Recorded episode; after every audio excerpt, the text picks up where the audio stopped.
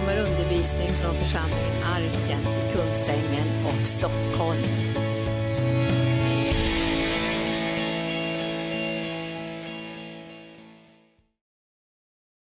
Välkommen helige Ande att sätta sin prägel på det här mötet fortsättningsvis också. Tackar dig för att vi får prisa och upphöja Jesus. Han är den som är den viktigaste i våra liv, ingen annan har hans plats. Vi tackar dig Herre för att vi ska få lära känna honom ännu mera, komma honom ännu närmare. Förstå också de människor som på olika sätt mötte honom och som eh, fick eh, känna av den väldiga kraft och härlighet och närvaro av Gud som var i hans liv. Jag prisar dig Herre för att, att vi när när vi den här kvällen ska eh, höra ordet så ska vi väckas till tro på den sanningen som handlar om Jesus och om vad han har gjort och handlar om de människor som har gensvarat till hans, till hans liv och hans gärning. Vi, vi tar emot Herre det här med öppna hjärtan i Jesu namn. Amen. Tack Jesus. Ja, jag, jag, eh, jag har tänkt en del på, på eh, Johannes döparen här på, på den sista tiden och jag har funderat över liksom att, att det var så eh, det var ju så märkligt att de var ju släkt alltså. Och det är Jesus och Johannes döparen. Och, men Johannes döparen kände inte Jesus ändå. Utom så att säga egentligen i anden. Därför att det var ju så att Maria och Elisabet, alltså mödrarna här, de mötte varandra medan de båda var havande. Och då, eh, då och Johannes, eh, han, eh, han fick en, en riktig liksom, vad säger, andlig upplevelse av det där. Så för att när, när de möttes så, så hoppade barnet till i Elisabets eh, mage. Så att säga. Det bara, tjo, liksom. och, eh, och hon blev helt liksom, eh, säga, skakad av det. Och man har inte intervjuat Johannes döparen om hur skakad han blev, men han blev förmodligen skakad alltså, bortom all vett och sans. Därför han visste inte ens riktigt vad som hände honom.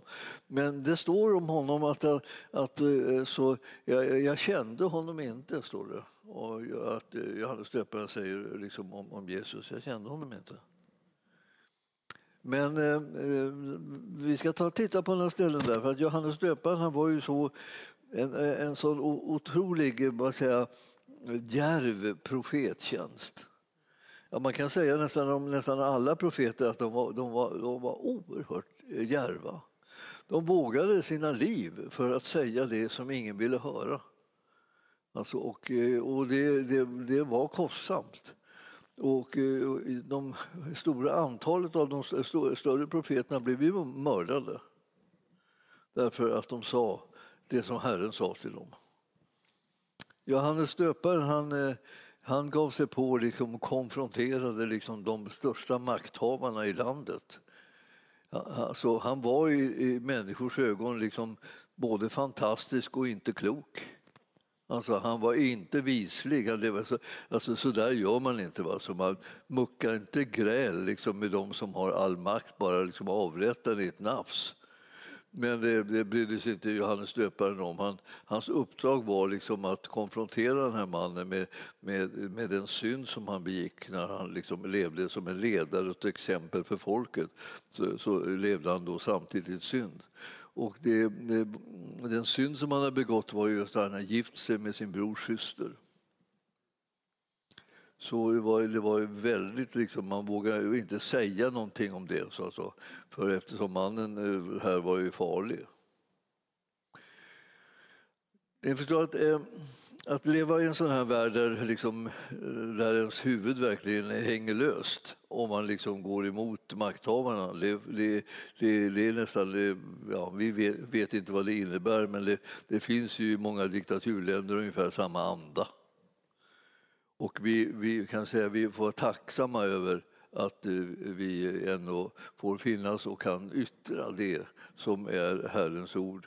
Även om det inte alltså är, blir, är populärt så blir det ju inte konsekvenserna eh, att någon tar livet av oss.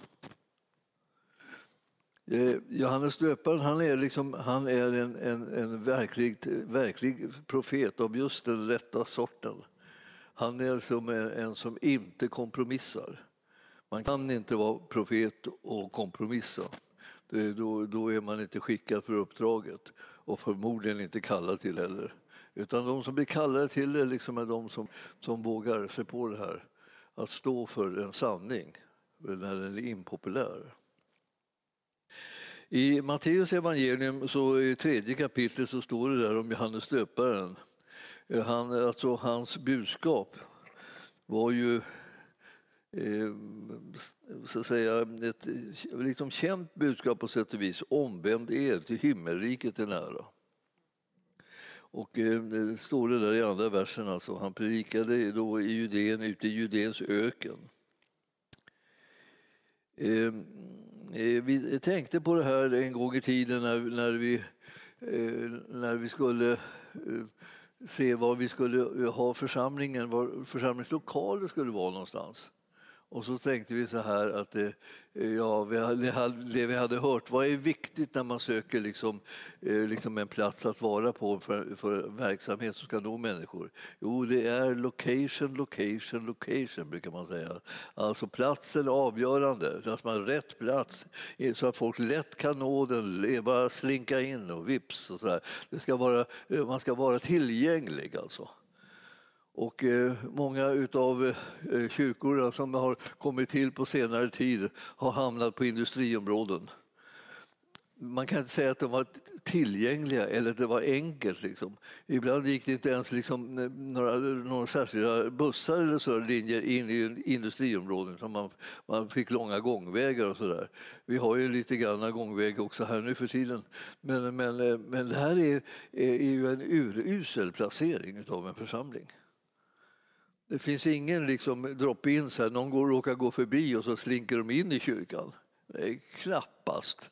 Utan kommer de hit så är det liksom någon som har tagit med dem hit eller, eller så är det så att, att, de, att de själva liksom redan är, är medlemmar eller deltagande här eller går på utbildning här eller någonting sånt här, och därför så kommer de. Alltså det, det, det, det, det, här är ingen, det här är ingen smart placering. Men man kan tänka, man tröstar sig ibland om man tänker på Johannes döparen. Han hade ingen smart placering heller. Han gick ut och ställde sig i judaöken. Liksom. I all världen, där var inte precis något ställe dit liksom folk liksom gick förbi. Liksom så här. Utan där stod han och skrek ut olika liksom sanningar. Och så. Och, men då hände det ändå att det, liksom det här det smittade av sig, gick från den ena till den andra och till slut så visade står en profet och skriker ut i öknen här. Vi kanske ska gå dit och lyssna på honom, han kanske har någonting liksom att säga. Ja, visst, tänk. Nu har vi inte fått den effekten riktigt ännu här.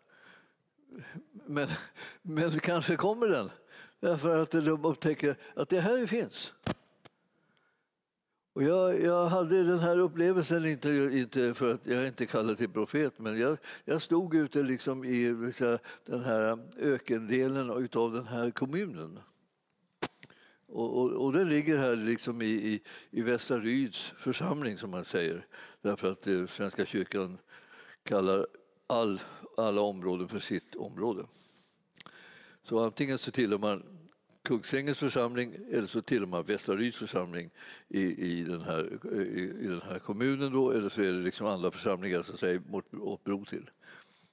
Den församling som vi är i nu är Västra Ryd församling.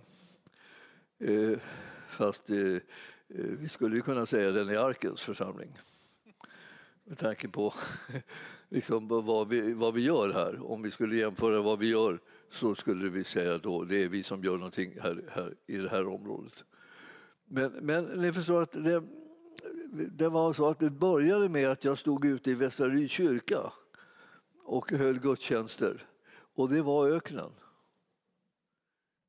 Där, där var det liksom, många tillfällen var det var inte en kotte som kom till eh, gudstjänst. Inte någon alltså. Men jag höll gudstjänst ändå, till allas förtret. För alla de som var, som var där för att ordna gudstjänsten, de, de ville att vi skulle gå hem. För nu var det mässfall, sa man. Det var inga människor som kom, därför så blir, lägger vi ner och går hem bara. Skönt, skönt då, blir det, då får vi gå hem och så var det lediga. Så. Och jag sa, nej, kom inte på fråga. Jag ska predika och vi ska ha gudstjänst. Om det är ingen här, nej, vi gör det ändå. De visste inte att de själva var där ens en gång och hade inte hört evangeliet fast de har gått där i åratal. Hade de inte tagit emot det. Va? Så att det var ju bara liksom, de var ju där, de var kandidaterna, men det visste de inte om.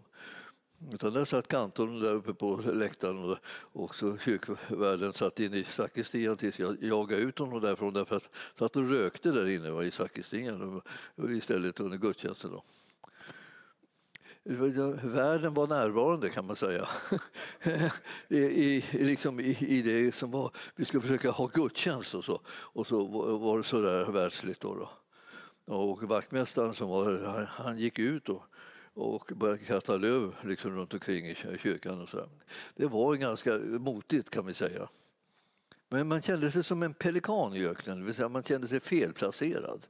Alltså, alltså en pelikan är ju en vattenfågel liksom, och ska dyka och fiska och ha sig. Så här. För finns det inget vatten då, då, då går han studsa en rakt i backen om man försöker dyka där. Då, och där, alltså, där slår han. Va? Och, så, och så är han ju en flockfågel också och så är han ensam i öknen. Alltså, så där ungefär kändes det att man var. Vad var det för idé att ha en verksamhet så att säga, där? Ja, det syntes så småningom vad det var för idé med det. För efter några år så där, som jag hade haft det där eh, så, så kom den karismatiska väckelsen. Och det liksom när den berörde liksom församlingen här och, och, eh, och, och i, i, i Kungsängen och sen ut, ut mot Västra Ryd. Jag var fortfarande där ute då eh, mest. Och så jag, jag blev mer och mer där ute för de ville inte ha mig liksom, när jag blev karismatiker och började tala i tungor och sådär. Och jag blev för sjuka. Då flyttade de mig till Totaheiti liksom, så att säga. Där fick jag vara där helt och hållet nästan. Jag fick nästan aldrig predika inne i Kungsängen. Men då började folk komma på att jag var där ute. Och började gå dit. Och man tog sig ut, ut helt enkelt där. Det var inte, det var inte så många, det var kanske en tre, fyra kilometer eller vad det är för någonting som är utåt. Så ligger den där på övningsområdet då. De skjuter inte precis där men alltså det är, folk har flyttat härifrån kan man säga. Ni, ni förstår att, att folk började strömma dit alltså. Och det blev fler och fler. Och till slut så liksom hade jag liksom så, så gott som full kyrka där ute på söndagarna. Jag började med att jag stod alldeles ensam alltså, och, bara ropa ut och predika. Liksom. Jag såg inte några som lyssnade, det fanns inga mer än de här och de lyssnade ju som inte. Men, men sen, så, det, det gjorde ingenting. Den här ökenpositionen och så. Det, kan man säga, det, den var inte så dum som man trodde. För det som gör att människor samlas, det är att Herrens röst hörs. Det är inte bara liksom så här location, location, location, alltså, utan det är Herrens röster. Det spelar ingen roll vad du har för location. Man kan se på kyrkorna liksom, som har, ligger kalasplacerade inne i Stockholm. Och, så. och, och, och ett fåtal liksom, som har några besök att tala om. Ni förstår att det, det här är, det här är liksom en, en, en eh, väldigt speciellt det här att smörjelsen drar liksom människor inom hörhåll. Och, det här så, och när hungern kommer och när väckelsevågen kommer så blir det ett värre vill säga, för, för världen. För då börjar människor rusa dit fastän de inte egentligen liksom hade tänkt att gå dit alls. Och ingen hade tänkt på det förut men plötsligt så börjar de. Och, och, och, när den karismatiska väckelsen kom då, då, då tyckte ingen att Västra Ryds kyrka låg långt borta. Då tyckte de det är ju nära, milde tid. Bara tjong, alla rusade ut där liksom, och fyllde den. Då. Vi, gjorde ju, vi gjorde om gudstjänsten lite grann. Jag, jag tog mig lite fria händer för jag kände att jag var ändå spolad. Det spelar ingen roll då liksom på något sätt utan, utan jag tänkte, jag, det är ju så att sjunga psalmer är ju liksom det finns ju fina psalmer som man, och då försökte man använda dem. Men jag vill ha lovsång också. Och det fanns inte plats för det liksom i högmässoritualet. Då, eh, då tänkte jag, sa jag till folk så här, om ni kommer en halvtimme innan gudstjänsten börjar så börjar vi med lovsång då. Och så kör vi det tills det är dags att börja den vanliga gudstjänsten. Då går vi över till att sjunga, köra ritualen som är där och, och eh, med förkunnelse och så. Och om ni stannar en halvtimme efteråt så ska jag be för sjuka. Så vi förlängde hela gudstjänsten med en timme ungefär. Och, mitt i den så låg högmässan då, så att säga och med sina delar. Så här. Och de är inte alltid dumma de här delarna. De är, de är mycket, mycket fina texter och böner och sådär. Men, men du vet att livet måste ju vara någonting som levs ut just nu och inte bara det att man tar upp någonting som, som någon läser en bön som någon har, har läst på, eller bett på 400-talet. Även om den var fin va, i sig så är det ju inte riktigt liksom, någonting som blir, är levande just nu. Och vi behöver vara levande när vi liksom håller på med det här med den kristna tron. Eh, det, det är någonting som är nu. Alltså, eh, hänge ditt liv till Gud nu. Inte liksom sitta och, liksom, och, och sucka över liksom förflutna tider eller, eller liksom sitta och bara tänka att ja, det här blir nog bra om bara, om bara eh, väckelsen kommer. För du finns ju här nu. Eh, eh, lev livet nu med Herren så, så blir det attraktivt för människor så att de kan komma loss. De, de sitter fast i världens alla olika grejer och, och situationer och, och, liksom, och, och, åsikter och tankar och värderingar. Och de behöver höra någonting som har att göra med evangeliet nu. Och därför så är det, när man ser på sådana här gestalter, liksom, kan man kalla dem, som Johannes döparen, han reser sig upp, där det inte är någon som har bett honom om det kan man säga, och skriker ut sitt budskap. Alltså. Och det som han har budskapet är omvänd er, det himmelriket är nära. Alltså, det var liksom sammanfattningen som de ger på hans budskap. Vilken fantastisk effekt det här får. Alltså. Vilka mängder med människor. Till slut så kommer alla ledare i samhället också ut dit för att nosa på vad är det han håller på med. Liksom. Vad, vad säger han för någonting? Vad gör han för något? Och alla blev så intresserade av den här delen. Ja. Eh, det här, det här förstår ni, att det, alltså det, var, det, var ju, att det här var ju någonting som attraherade alla. Till och med när man ville vara motståndare mot det så måste man ändå gå ut och nosa på vad är det, vad är det, vad är det? Och, och, det, och, och, och, så här var det. Och det var väl samma sak då med Jesus i ännu större utsträckning, att det blev på det viset. Vi ska ta och titta här. Så här. Han, han säger så här. Alltså, de gjorde, vad de gjorde, de här människorna som kom dit. Alltså. De kom dit från Jerusalem, hela Judeen och landet kring Jordan kom ut till honom, står det i femte, femte versen. Och så står det i sjätte här. Och de bekände sina synder och döptes av honom i floden Jordan. Alltså, Eh, och, och, och, så sa han till fariseerna och saduceerna, de här som var de ledande. Liksom. Saduceerna var liksom politikerna kan man säga. De var liksom mera politiker än liksom andliga folk. De hade, de hade hand om inrikespolitiken. De, alltså, de satt i, i, i det här stora rådet. Eh, och, eh, och, och översteprästen tillhörde liksom ett så det var han som, höll, som, som var, var den som var, den, var dominerande. Han skötte alltså och ledde de inrikespolitiska frågorna, den här översteprästen. Han var saducé. Och sen var det fariséerna som var en slags väckelserörelse kring ordet inom judendomen. Och de skulle alltid diskutera lärofrågor hela tiden. Så det här var en, en, en mycket speciell liksom, eh, grupp. Och då står det så här att, eh, att eh, eh, han säger till dem Eh, de kom för nämligen för att bli döpta av honom. De ville liksom slinka in i det här och liksom eh, komma, liksom, eh, kunna jobba inifrån Eh, för att liksom få slut på de här eh, överdrifterna som de tyckte det var. Och då säger han lite milt till dem.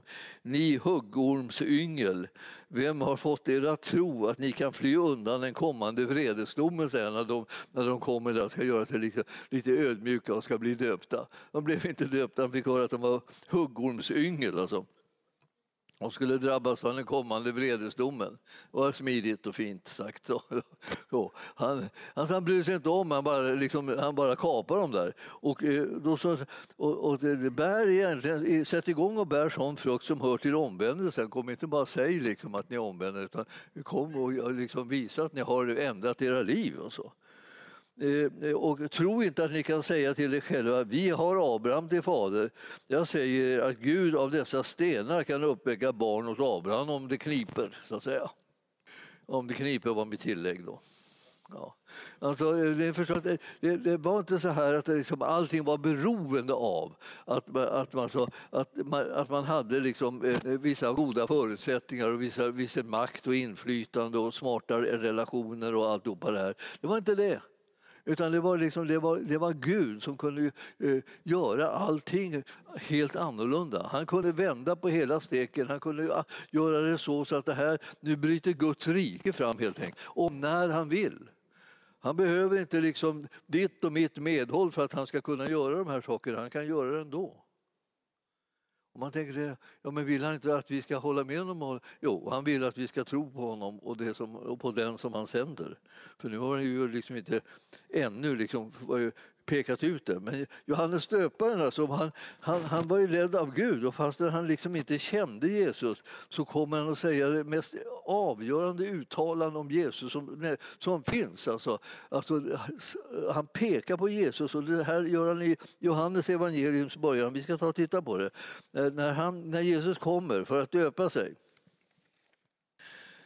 Eh, för det gjorde han ju också. Och då, då, kommer, eh, då kommer han och vittnar. Alltså. Han säger, först säger han om själv då, vem han är överhuvudtaget. Då säger han alltså, jag är rösten som ropar i öknen.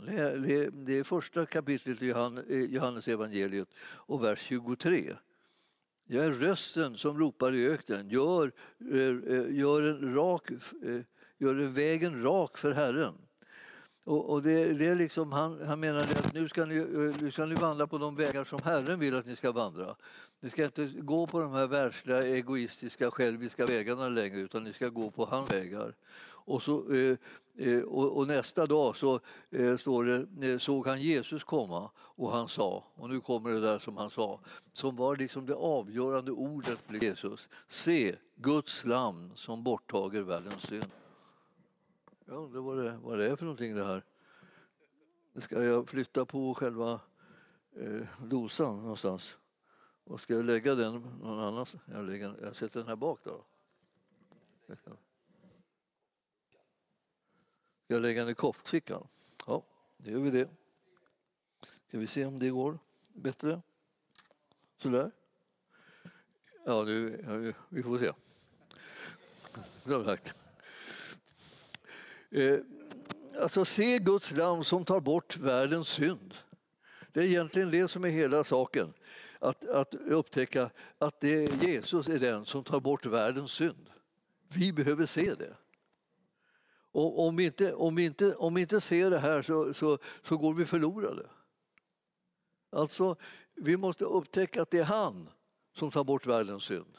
Det är honom man vänder sig till och det är honom man tror på och det är honom som man eh, ber att eh, den offer som han gör eh, genom att låta sig slaktas liksom i vårt ställe, att det offret ska gälla också mig och också dig. Vi säger, vi säger Herre, liksom, låt, låt, låt det som du har gjort gälla för mig. Det var nämligen hans mål med det hela, att det skulle gälla för dig och gälla för mig. Och, nu, och vi säger, låt det ske så att det gäller för mig. Då vet jag och då vet du att vi kan vara trygga. För han är alltså lammet som offras till, för alla människors synd och de som tar emot det, för dem gäller det. Och det där är ibland så där man tänker att han gjorde det för alla och alla tog inte emot honom. Alltså det var ju det som var den stora smärtan i, liksom, i hans, hans tjänst. Att Jesus han, han hade gjort det, han hade dött för alla och alla hade inte sagt sitt ja till det. Det är fortfarande samma fråga. fortfarande.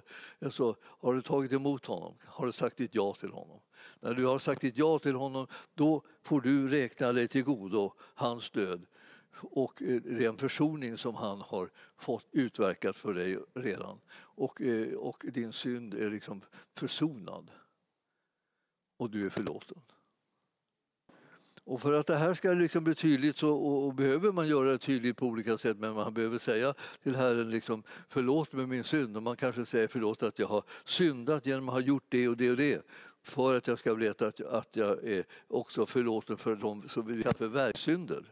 Men om, jag, om det är så att, jag, att, jag, att det där inte är liksom en, en sak som är nödvändig för dig utan du känner liksom att det, det, det, det sätter du tro på som helhet så behöver du inte sitta bara och räkna upp sakerna i någon slags nervös eh, liksom, läge utan du, du behöver bara tro på att han har gjort det. Stora förändringen ligger i att han har fött dig på nytt. Genom att du tror på honom så blir du född på nytt. Och du, du, är inte längre en syndare som identitet utan du är en rättfärdig människa. när du blir en rättfärdig människa, då, då, är du, då har du himlen öppen. Den handlar inte om din och min gärning, för den är en frukt av att vi älskar honom tillbaka, vad vi gör för någonting med våra liv. Men att vi tror på honom och hans eh, offer, offer så att säga, i Lammets form, det, det gör att vi blir förvandlade så att vi inte längre är samma människor, så längre vi är nya skapelser och vi har, vi har frid med Gud. Så det är liksom, där sitter vi här då, som har frid med Gud. Alltså. Alltså vi, är så, vi är så välsignade så vi, så vi vet, inte, vet inte hur välsignade vi är. Alltså det är det mest fantastiska och bästa som kan hända en människa, att hon är frid med Gud. Alltså. Jag tänker bara så här, man kan andas ut, man kan ta det lugnt, man kan tänka sig allt ligger i hans hand. Alltså. Han är på min sida. Han är den liksom som hjälper mig att stå emot mörkret. Han är den som, som är, står bakom mig när jag säger till, eh, till djävulen alltså, eh, gå ifrån mig och så, i namnet Jesus. Ja, vad, vad ska han då göra, djävulen? Han måste fly. Det är, så, det, är så, det är så egentligen så, hela matchen så att säga, är uppgjord. Alltså det är, det är förväg är det redan bestämt vem som vinner. Det är, liksom, det är, det är inte riktigt det här att åh, ska vi gå in och brotta djävulen liksom, och vi brottas och vi brottas och svetten lackar och vi liksom tycker hela tiden att vi kommer i underläge. Nej, matchen är redan vunnen. Jesus har vunnit den åt dig. Så, där, så du vet liksom att när, när du står honom emot måste han fly bara. Han, och, och, och, det fina med saken är, han vet också. Så han, han kan inte liksom hitta på liksom och göra någonting annat, eller, sådär, utan han måste fly. Så, så egentligen så är det liksom vår uppgift att, att komma på att om vi står honom emot, djävulen emot, så måste han fly. Det är det vi ska komma på. Att vi har den makten att stå honom emot i namnet Jesus. Han måste fly. Ingen, ingen diskussion, ingen tvekan om hur det ska gå. Utan det här är absolut solklart. Så därför så blir det som att, att eh, vi, vi är de tryggaste varelser som finns. Det där med att vi gick omkring och var fyllda av fruktan, den tiden är förbi. Vi behöver inte känna fruktan för någonting. För Herren har vunnit segern för vår skull. Och nu kan vi stå fienden emot och han har ingen chans att stå emot oss utan han måste fly sin, eh, sin kos. Så det här är, det här är så härligt. Johannes han såg att Jesus var den som var det här lammet som offrades till försoning för all synd. Så se Guds lam som borttager världens synd. Vi ser, han tog bort den. Och för alla de så att säga, som det räknas för var de som trodde. Vi som tror på Jesus och vad han har gjort, för oss räknas det som att all synd, all vår synd kan vi säga, är borttagen. Så vi är förlåtna.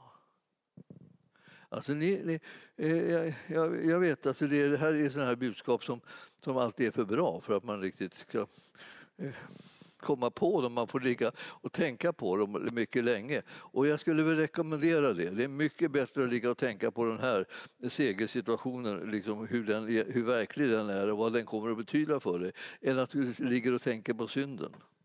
Eller att du ligger och tänker på djävulen och alla hans påhitt och så. Alla hans attacker och alla svårigheter. Eller alla sjukdomar och lidanden och alla konstiga diagnoser som man får från, från eh, medicinska avdelningen i landet.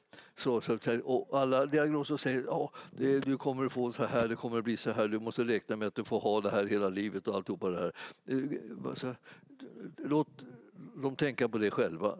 Tänk du på vad Herren förmår och vad Herren vill och så, så kommer du få en helt annan bild så att säga, av det. Och då får, då får du liksom kraften att ta emot det här som är konsekvensen av Jesu död och uppståndelse.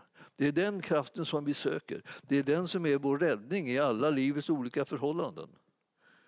Jag tänkte, ja, det låter för bra för att vara sant. Ja, just det. Om det är så att det, det, är på det sättet som du prövar sanningen så kommer du alltid tycka att allting som Herren har gjort är för bra för att vara sant. För, men, men om, du, om du prövar sanningen genom att säga, eh, står det skrivet eller står det inte skrivet? Har han sagt det eller har han inte sagt det? Har han gjort det eller har han inte gjort det? Ja, det är det som är frågan och har han gjort det och har han sagt det så är det sanning.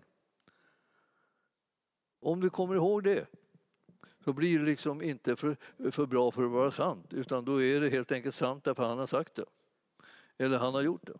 Det är det som, det är det som är kollen som vi ska göra. Var, var, har vi, var letar vi upp sanningen någonstans? Alltså, vi letar inte alls upp den i att liksom, hur verkar det?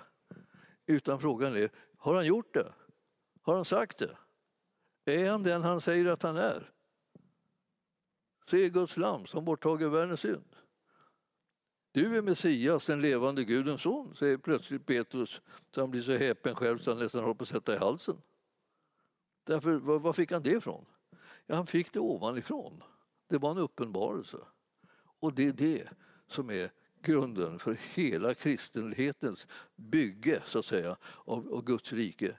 Att vi tror på han är Messias, den levande Gudens son. Ingenting annat är det som vi bygger på. Vi bygger på det.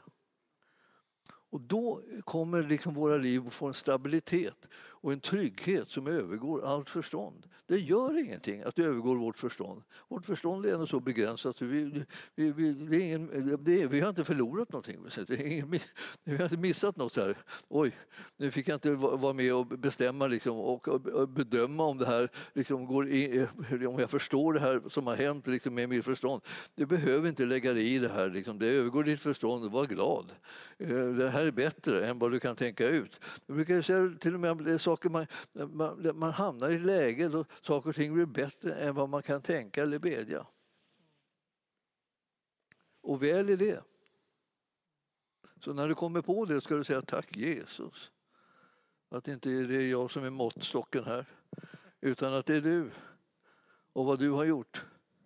Så vi är ett folk som ska, liksom, måste liksom, jobba oss in i den här sanningen. Alltså här är sanningen, det här är som det verkligheten är. Alltså. Och det beror inte på att vi inte kan tänka utan det beror på att, bara, att vi är begränsade som människor. Medan Herren ger oss uppenbarelse. Och det betyder att en sanning kommer som är större än vad vi kan tänka ut och den kommer från himlen. Och det är den som är liksom grunden för det och den stämmer med det som står skrivet i ordet. Och, och det här, därför så blir det när man hör Johannes döparen peka ut Jesus på det här sättet. Alltså, eh, det, det, han säger så här, det, det, är om honom som jag sa, säger Johannes döparen i, i 1.30. Att eh, efter mig kommer en man som är före mig, ty han var före mig. Vad i all världen menar han? Jo, Jesus han eh, var av evighet. Han var före Johannes. Johannes kom nyss. Fastän de liksom låg i sina mammors mage samtidigt så var han som hade kommit till Maria, han var av evighet.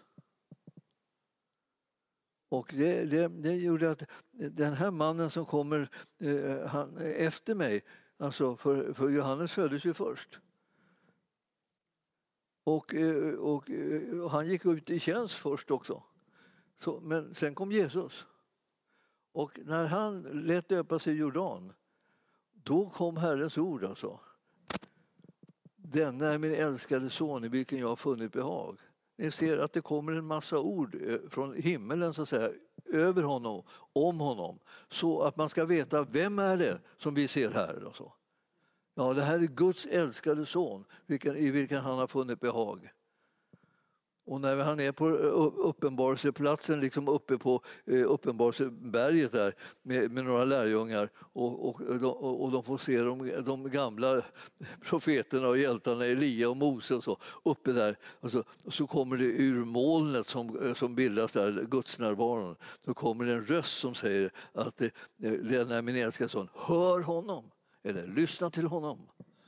Ja, varför ska vi göra det? Jo, det ska vi göra för att annars får vi inte tag i sanningen. Annars får vi bara tag i folks samlade erfarenheter och deras åsikter och tyckanden. Och det kan man inte leva på. Man måste leva på en sanning som kommer från höjden och den, den kommer eh, på det här sättet genom uppenbarelse och genom ord som, som man hör eh, som talar om det som är liksom redan profeterat om i bibelordet. Så vi, vi känner att Johannes döparen är liksom på något sätt en, en, en man eh, som behövs. Han behövs än idag. Han behövs hela tiden och det är liksom precis det här som, som vi hörde Mats säga, det här med profeterandet, att det är en väldigt viktig del. Och det gäller att den inte liksom, den stannar vid bara liksom lite profi, eh, så att säga, personliga profetior och så, utan att det verkligen är någonting som understryker det som Gud håller på att göra. Det som han, håller, som han har liksom igång just nu så att vi kan liksom känna oss trygga vid att Herren håller på att förverkliga sin plan bland oss. Det är inte så att det här liksom har gått över eller sjunkit ihop och blivit ingenting eller någonting sådär. Utan det får, nu håller han på att förverkliga den här planen som handlar om att hela mänskligheten ska bli frälst. Han vill att alla människor ska bli frälsta. Så att det om vi undrar vilka kan man vittna för? Vem som helst kan du vittna för. Alltså det, det, det, alla. Gud vill att alla ska bli frälsta. Om du får gemensamt så att säga, gör gemensam sak med Gud eh, på, på det området eh, så kommer du få en frimodighet som gör att ditt vittnande inte sätter sig i halsen. Alltså, du blir rädd plötsligt för att de ska inte tycka om att du vittnar för dem och sådana saker.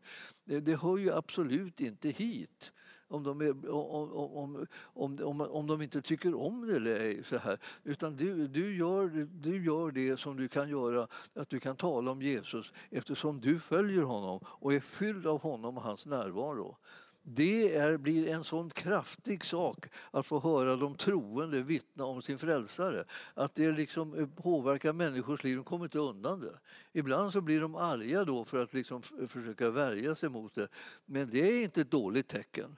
Det kan vara ett, ett utmärkt tecken på att de är väldigt nära att liksom ge efter. De bara slår kring sig för att det liksom inte ska liksom komma på dem när de i själva verket bara skulle vilja gråta eller, eller tacka Gud eller, eller kasta sig ner liksom och, och, och ge sig liksom, därför att de har, känner hur, hur Herrens kärlek liksom når dem i alla fall.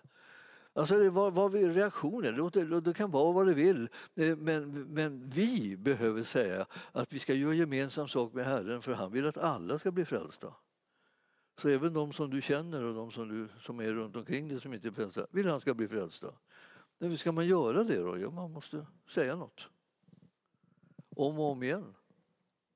Och jag brukar tycka att det här liksom med att säga till, eh, om någon säger att, så här, att nej, jag tror inte på det där, säger de då när man, när man säger någonting så här. Men, jag vet, men då är det så här att det jag tror att det dröjer inte länge innan du blir frälst, säger jag låter dem. Och då blir de oroliga och tycker att det här är någonting nu som tränger på dem så. Så det håller på, då sätter vi igång ett samtal som kan vara ganska utdraget här ibland på, om, om det här om eh, hur, hur det är om jag tror att de fortfarande liksom ska bli frälsta. Liksom. Om jag tror det fortfarande, frågar de då. Och det gör jag. Jag tror fortfarande, nu är, nu är det ännu närmare säger jag. Och, då, och det är det ju. Så det liksom, och då, då, blir det ännu värre liksom det här med hur, hur ska man klara av liksom det här? Stå emot det. Alltså, ni förstår att man måste hjälpa folk liksom att fylla sina tankar med att eh, Herren vill att de ska bli frälsta. Herren älskar dem och har gett sitt liv för dem. Han vill att de ska ta emot honom. Och om de börjar ha, få det här i tankarna så, alltså, då får du dykt och tänka på medeltid. Där kommer den där personen som tror att jag, att jag ska bli frälst snart. Det är inte klokt, det är inte klokt, eller hur? Eller hur? Det var inte klokt, säger man till omgivningen då. Så här. Omgivningen börjar liksom bli osäker, de vet inte hur det är. Den här pratar de hela tiden om det här med att bli frälst och sånt där. Vad gör den det för? Ja, därför att du sådde ett korn där. Nu håller den på att tänka på hela tiden. Här. Liksom tänk, om, tänk om man blir frälst bara. Tänk om man blir, hur skulle det bli? Liksom, och tänk om man blir, ja. Tänk om. Så det, och så talar man vidare om det här. Och så. Och så talar man om hur man gör och så talar man om liksom, så, här, så här ber du, så här säger du och så här. Och, så. och till slut så vet de allt och, liksom, och det är så nära så det, det, när som helst händer det. Och när det händer liksom, då, då bryter äntligen glädjen ut. Va?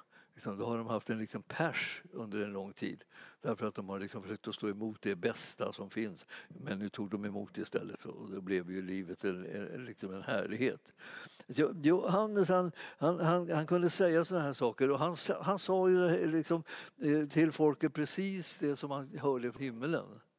Och så säger han också så här att, att, eh, om Jesus, alltså, i vers 31 där, och jag kände honom inte. Han tycker det är liksom ganska konstigt. En släkting var ju ganska nära liksom släkting. Så. Han kände honom inte. Det händer ju ibland att man inte känner en, en, en, en äldre kusin eller någonting sånt där. Eh, eller kanske inte känner en äldre, eh, ett äldre syskon om det är för liksom många år emellan. Men det här var inga år, de låg i magen samtidigt så att säga, så att det var ju, rörde sig mer om månader i skillnad. Men att de ändå inte haft med varandra att göra, jag kände honom inte. Eller så menar han någonting annat där. Men för att han skulle uppenbaras för Israel så har jag kommit och döper i vatten, säger han. Jag visste att jag hade liksom en tjänst i förhållande till honom och skulle förbereda hans ankomst. Och därför så står jag här nu och eh, löper döper i vatten. För, att, Eh, för eh, Israel så har jag kommit hit och döper i vatten, säger han. Johannes vittnade och sa, jag såg anden komma ner som en duva från himlen och bli så, och kvar över honom. Ja, ni vet att den heliga ande liksom var utrustningen till tjänst. Och det är samma sak för oss, att utrustning till tjänst kommer genom den heliga Ande. Och jag, jag, jag, hade väldiga tankar på hur, hur det skulle kunna hända när, när, innan jag blev andedöpt. Alltså, vad, hur, hur, hur skulle det vara? Och jag, var ju, jag var ju präst på den här tiden här. Och, eh, och jag tänkte, liksom, hur, hur blir det liksom om jag blir andedöpt? Liksom så? Hur, skulle, hur, hur, kommer det hända? Och, jag, och, då tänkte jag, oj, oj, oj, det kommer bli alla möjliga saker. Det kommer bli så enkla. Därför då kommer jag bara liksom göra sakerna i en helig andes kraft och så där, Så, så trodde jag. Och framförallt så trodde jag att, liksom, att jag skulle kunna med lätthet liksom, skriva ner mina predikningar och liksom, så att jag fick dem så. Jag skrev mina predikningar, sådana små korta appeller. Liksom, kanske. Men så blev jag andedöpt och så kunde jag inte skriva ner mina predikningar längre. Det var en katastrof. Alltså, hur stor katastrof det var det förstår man bara om man liksom har varit i kontakt med liksom en, en, en, kyrka som bygger på ceremonier och ordningar. Liksom så här. Då, då, då fattar man liksom att, kunna, att gå till kyrkan och inte, kunna ha, och inte ha med sig någon predikan när man är präst. Det, det har man ju nästan aldrig hört talas om. I alla fall inte jag. Jag visste ingen, ingen som, som hade gått till kyrkan liksom utan att kunna predika någonting. Jag vet inte vad, det, vad de ska predika över. Ja, de visste ju vilken text det var förstås, det visste jag också. Men den sa mig absolut ingenting. Jag hade aldrig sett en sån text som var så tvärdöd som den där texten. Där. Jag, jag läste den så, hur många gånger som helst. Sakta och fort och om vartannat. Jag mediterade på den, jag bad runt den, jag höll på. Inte ett pip kom ur den. Och så gick jag ner till kyrkan och tänkte att nu gör jag min sista promenad. Nu, nu är min tjänst slut och så här. Och jag som var, tänkte att jag skulle vara andedöpt och det skulle bli så jätteenkelt allting. Jag får inte fram en enda bokstav. Jag försökte liksom se om det fanns andra som hade predikat över så jag kunde ta deras predikningar. Då, Man har ju såna här postillor kallas det. Liksom predikosamlingar av präster som man kunde, som man kunde läsa. Då. Men när jag läste dem så gav de inte ett smack heller. Kom inte, ingenting kunde jag säga. Då tänkte jag bara, jag går dit. Och jag, jag läser texten när jag kommer upp i predikstolen och sen säger jag, ja den här texten talar för sig själv. Vi kan läsa den en gång till och så, och så tänker vi på detta djupa eh, budskap. Så läste jag den en gång till tänkte jag. Och, så, och sen kunde jag säga amen och så kan vi gå ner. Liksom. Det var en sån stark text. Det var en liten lömsk plan som jag hade men den gick fullkomligt åt skogen när jag kom upp i predikstolen. Det var ingenting och liksom inget ställe där man ska liksom hitta på någonting liksom, och låtsas något utan det var, det var då, liksom, då kom sanningen liksom fram och så. Så jag läste texten. Och jag såg något som var så intressant. Så jag började prata om det. Och sen liksom, hela texten bara öppnade sig. Och när jag var färdig då hade jag pratat fyra gånger så länge som jag brukade. Jag brukar prata fem minuter. 20 minuter har hållit på. Och bara lagt ut den här texten. Jag såg den plötsligt. Alltså. Och från den där stunden har jag aldrig någonsin kunnat skriva en predikan. Inte en enda predikan. Alltså jag, det går inte för mig att skriva predikningar. Det är ett hopplöst kapitel. Men det som jag ska säga, det jag gör är att jag förbereder mig genom bön och bibelläsning på alla möjliga saker, vad som helst. Jag bara läser liksom på och ber till Gud. Och, liksom så. och sedan så predikar jag om något helt annat än vad jag har läst. Och det, blir ing, det, hänger, liksom, det går inte. va? Det går inte så. Alltså, och sen när, när, jag har, när söndagen är över eh, så, så går jag hem och så skriver jag ner vad jag har predikat om. För jag har aldrig gjort det förut, alltså jag har aldrig hört det förut på det sättet. Jag har ju hört en del av de här tankarna förstås. Men jag menar, jag har aldrig liksom gjort det förut, jag måste skriva ner det eh, efteråt. Så jag predikar först och så skriver jag ner det sen. Förut var det alltid så här, först skriver jag ner det och sen predikar jag det, läser jag upp det bara. Men nu har det blivit tvärtom i alla år. Och eh, det är inget bekymmer. Linda säger till mig, du måste väl ändå veta vad du ska tala om, säger hon till mig hela tiden. Eh, och det har hon gjort i åratal och jag säger nej, det vet jag inte. Det är inget problem, utan det, så det, det kommer så när jag börjar prata lite grann med församlingen så kommer det liksom det som jag ska predika om. Så. Ja. Så, så där, det ändrade sig på ett annat sätt med den heliga Andes närvaro. Men en villig tid vilken skillnad det blev. Alltså, liksom. För det där var smörjelsefest. Man kan, man, kan, man, kan, man kan vara verksam på ett helt annat sätt i den helige Ande. Det är inte liksom att man presterar något jättetjusigt eller snyggt eller sådär utan, utan man, man, man talar för att man ska nå de människor som har öron att höra med. Då talar man om alla möjliga saker och det är inte säkert att det blir särskilt liksom snygg predikan med uppläggningen och upplägget på alla, alla, efter alla konstens regler. Det fick man ju lära sig när jag gick i, undervisning, i prästundervisningen. Men jag har ingen ordning på någonting kan man säga.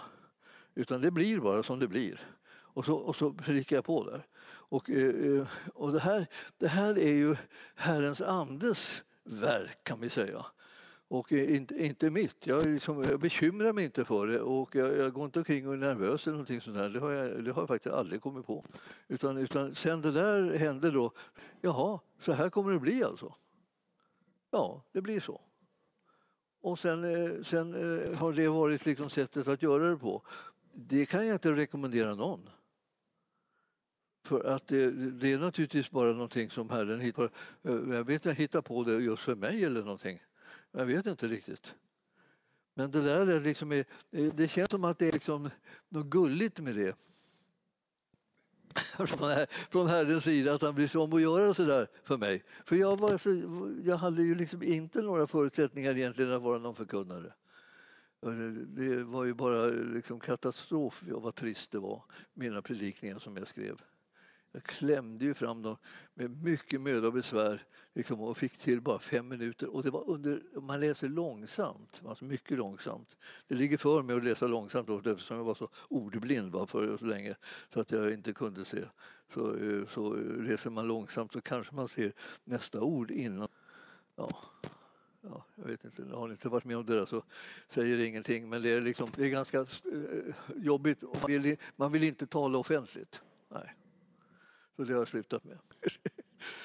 Det här, är, det, här är så, det här är så konstigt. Jag hade en helt annan förväntan på den heliga Ande vad den skulle göra, vad den skulle göra när den kom in i mitt liv. Det, det den gjorde var liksom något annat än det jag hade tänkt och planerat. Men, men det hjälpte mig. Det här är konstigt. Hör. Vad är den? Ska jag lägga den här då? Stå still? Då? Jag, lägger den, jag lägger den där får se om det händer någonting. då. Ja, fastnade i koftan också.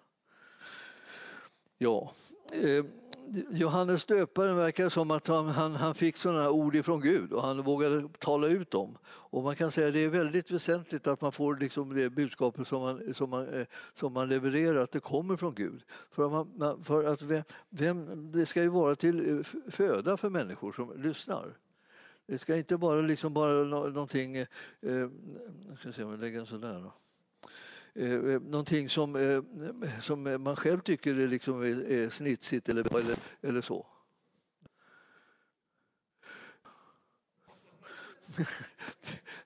Vi hoppas på att det liksom behärskar sig nu då, lite grann en liten stund. Vi ska, vi ska ta och titta lite grann på det, vad det står om, om Johannes här i, i Lukas jag tror att vi ser om ni har, om ni har det.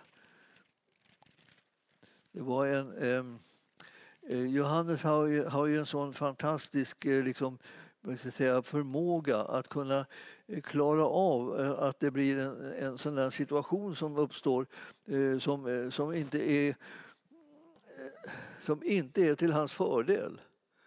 Alltså, här står han och är jättepopulär. Jag ska säga. Alltså, massor med folk ute i öknen för att lyssna på Johannes. Och han, han predikar och han pekar ut Jesus och han träffar precis rätt. Det är precis han som är Guds lam som borttager världens synd. Och det här är ju så, så enormt bra alltså. Eh, och eh, så, så sant. Och, eh, eh och i, nästa stund va, så, så kommer några och frågar honom vad tycker du om det här att alla dina lärjungar följer Jesus istället för dig? Alltså det var ju så, han hade pekat på Jesus att se Guds lam som borttager världens synd. Vad gjorde lärjungarna som hade runt omkring sig? De följde Jesus. Så när Jesus gick därifrån så tog han med sig en, liksom en stor del av folket bara. Och då säger han liksom att eh, i den gamla översättningen stod det att det är som sig bör att eh, han tillväxer att jag förminskas. Kunde han säga. Det är som sig bör. Det är, det, de orden har jag aldrig hört upprepas faktiskt av någon ledare. att de säger. Särskilt i synnerhet om de förlorar medlemmar. Ja, det är som sig bör att jag förminskas. Nu är det inte säkert att man förminskar för att förlora medlemmar men i alla fall det är liksom ändå liksom en frestelse liksom att man ogillar det ju ändå. Eh, hur man än vänder på, på det förstås. Man vill ju eh, bevara alla liksom i jorden det, för det liksom ligger för en här att vara en församlare. Men det här, Johannes döparen han säger att det här är helt i sin ordning. De ska gå ifrån mig. De ska gå till honom. Det är han som är något. Om man tänker, det skulle man kunna tåla som, som, eh, eh som eh, herde också om man, om man tänker att, att fåren gick till Jesus. Men, man, man, eh, men tron är ju att det är det de gör när de kommer till Guds församling. Då går de ju till Jesus. De är redan där. Och de behöver bara lära sig så att säga, mer och mer följa honom och mer och mer göra hans vilja och känna sig tryggare i det här att tjäna Herren och, och upp, upp, också uppenbara hans närvaro och hans eh, planer för människorna. Eh, det här eh, att, att vara så där ödmjuk, om vi säger, som Johannes var Samtidigt som man var frän så var, kunde han acceptera att eh, eh, hans tjänst är, var på utgång. Det var inget mer med den. Saken var gjord. Det är ju liksom enastående. Och sånt, där, eh, ja, sånt där möter man ju faktiskt inte alls, nästan. Eh, möjligen är det så att folk skulle tycka att nu är det skönt, nu går jag i pension och nu vill jag gå i pension och nu slipper jag hålla på på det här jobbet längre och så där och så har man liksom eh, så har man en att man få bara gå och göra vad man själv med ens hobbys eller någonting sånt där. Så hör man ju folk säga ibland. Men att då, eh, så länge som de är i, i, i aktion så, att säga, så, så vill de inte att någon annan tar jobbet. Det är ju liksom, känns ju jättesmärtsamt och jobbigt. Och de flesta blir ju liksom ganska, ganska sura och, och argsinta över en sån situation. Men Johannes döparen, alltså, som fastän han var en sån här masstalare och stod, stod liksom i rampljuset, han, han, kunde klara av att se att det här skedde. Och han hade själv ställt till det också. För det var han som hade pekat på Jesus. Om inte han hade sagt någonting så hade de kanske inte märkt vem det var. Men nu, nu sa han det. Och så fick det den här konsekvensen. Och han accepterade det. Alltså, eh, man kan säga att det, han var i många stycken en stor man som klarade en sån här, så att säga, sån här förnedrande situation och omständighet. Alltså. Jag tycker att det, ja, det här var ju min uppgift, att lämna över det till honom. Så det var min uppgift och därför så tar jag, eh, accepterar jag den bara.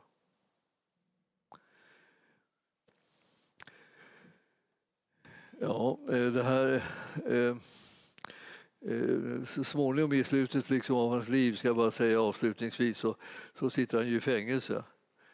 Och han, är, han, har ju, eh, han, han väntar på konsekvenserna utav det här att han har attackerat och anklagat liksom de här ledarna för, för eh, liksom äktenskapsbrott och, och synd och sådär. Och nu så satt han där och så skulle de ha lite underhållning i festen och då ville de liksom att man skulle hugga av Johannes döparen huvudet då. Man gick ner och högg av det och bar in det i festen där eh, på ett fat. Det, det var liksom eh, hur tarvligt som helst, ska jag säga. Liksom, vilket, vilket stort övergrepp som man kan tänka sig. Det var ju att de hade gjort så mot en. Men det där var liksom nästan tradition, alltså, att man gjorde slut på profeterna.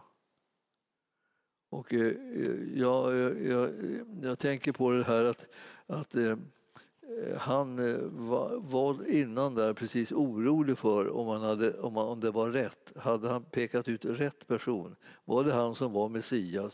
Var det han som var Guds lam? Var det han som tog på sig världens synd? Var det verkligen han? Och då han ville veta det och så han skickade sina lärjungar som hade liksom kontakt med honom i fängelset eh, för att fråga Jesus om det, om, om han, om det var rätt. Alltså hade han, hade han sagt rätt om honom? Och då, då säger Jesus, ni går tillbaka och så berättar ni för honom vad som sker. Och det här står i, i Matteus 11, om jag inte missminner mig. Eh, och, och, då räknar han upp liksom vad det är som Jesus gör för gärningar. Och det här är liksom det som gör eh, eh, Johannes så trygg att han kan dö.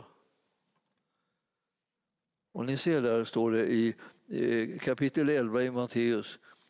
Då handlar det om Eh, eh, Kristi gärningar i andra versen. Johannes fick i fängelset höra talas om Kristi gärningar. Han sände då bud med sina lärjungar och frågade honom är du den som skulle komma eller ska vi vänta på någon annan?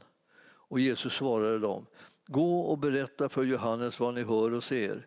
Blinda får sin syn, lama går, spetälska ska bli rena, döva hör, döda uppstår och för fattiga predikas glädjens budskap och saliga dem som inte tar anstöt av mig, säger Jesus då.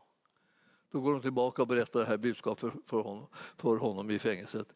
Och han känner igen att det här är Kristi gärningar, det vill säga Messiasgärningarna. Och, eh, och han kan känna sig, alltså komma till ro med det, att eh, jag uppfyllde min funktion. Jag gjorde det jag skulle och jag lämnade plats för den jag skulle. Och, eh, och han, han kunde ta emot så att säga, eh, slutet av sitt liv, döden, utan fruktan. Så att det, här är, det här är som gripande, liksom, att den mannens liksom, liv tog, tog slut på det här sättet.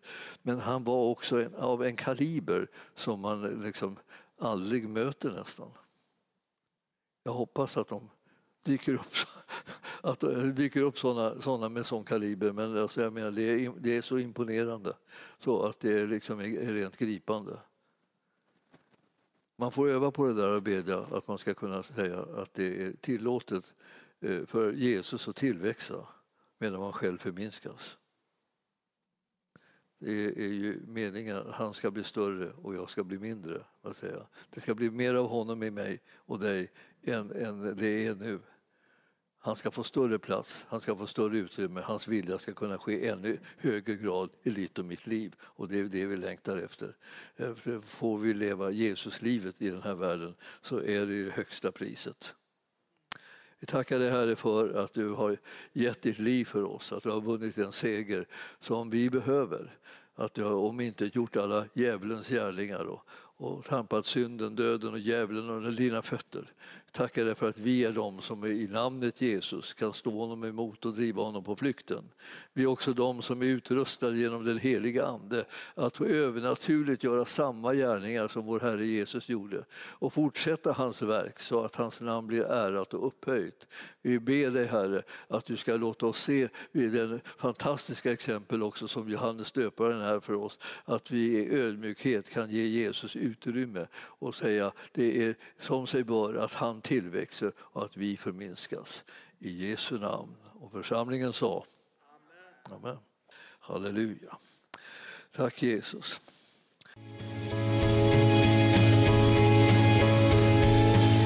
Tack för att du har lyssnat. Vill du få del av mer information om församlingen Arken, vår helande tjänst, bibelskola och övriga arbete, gå in på www.arken.org.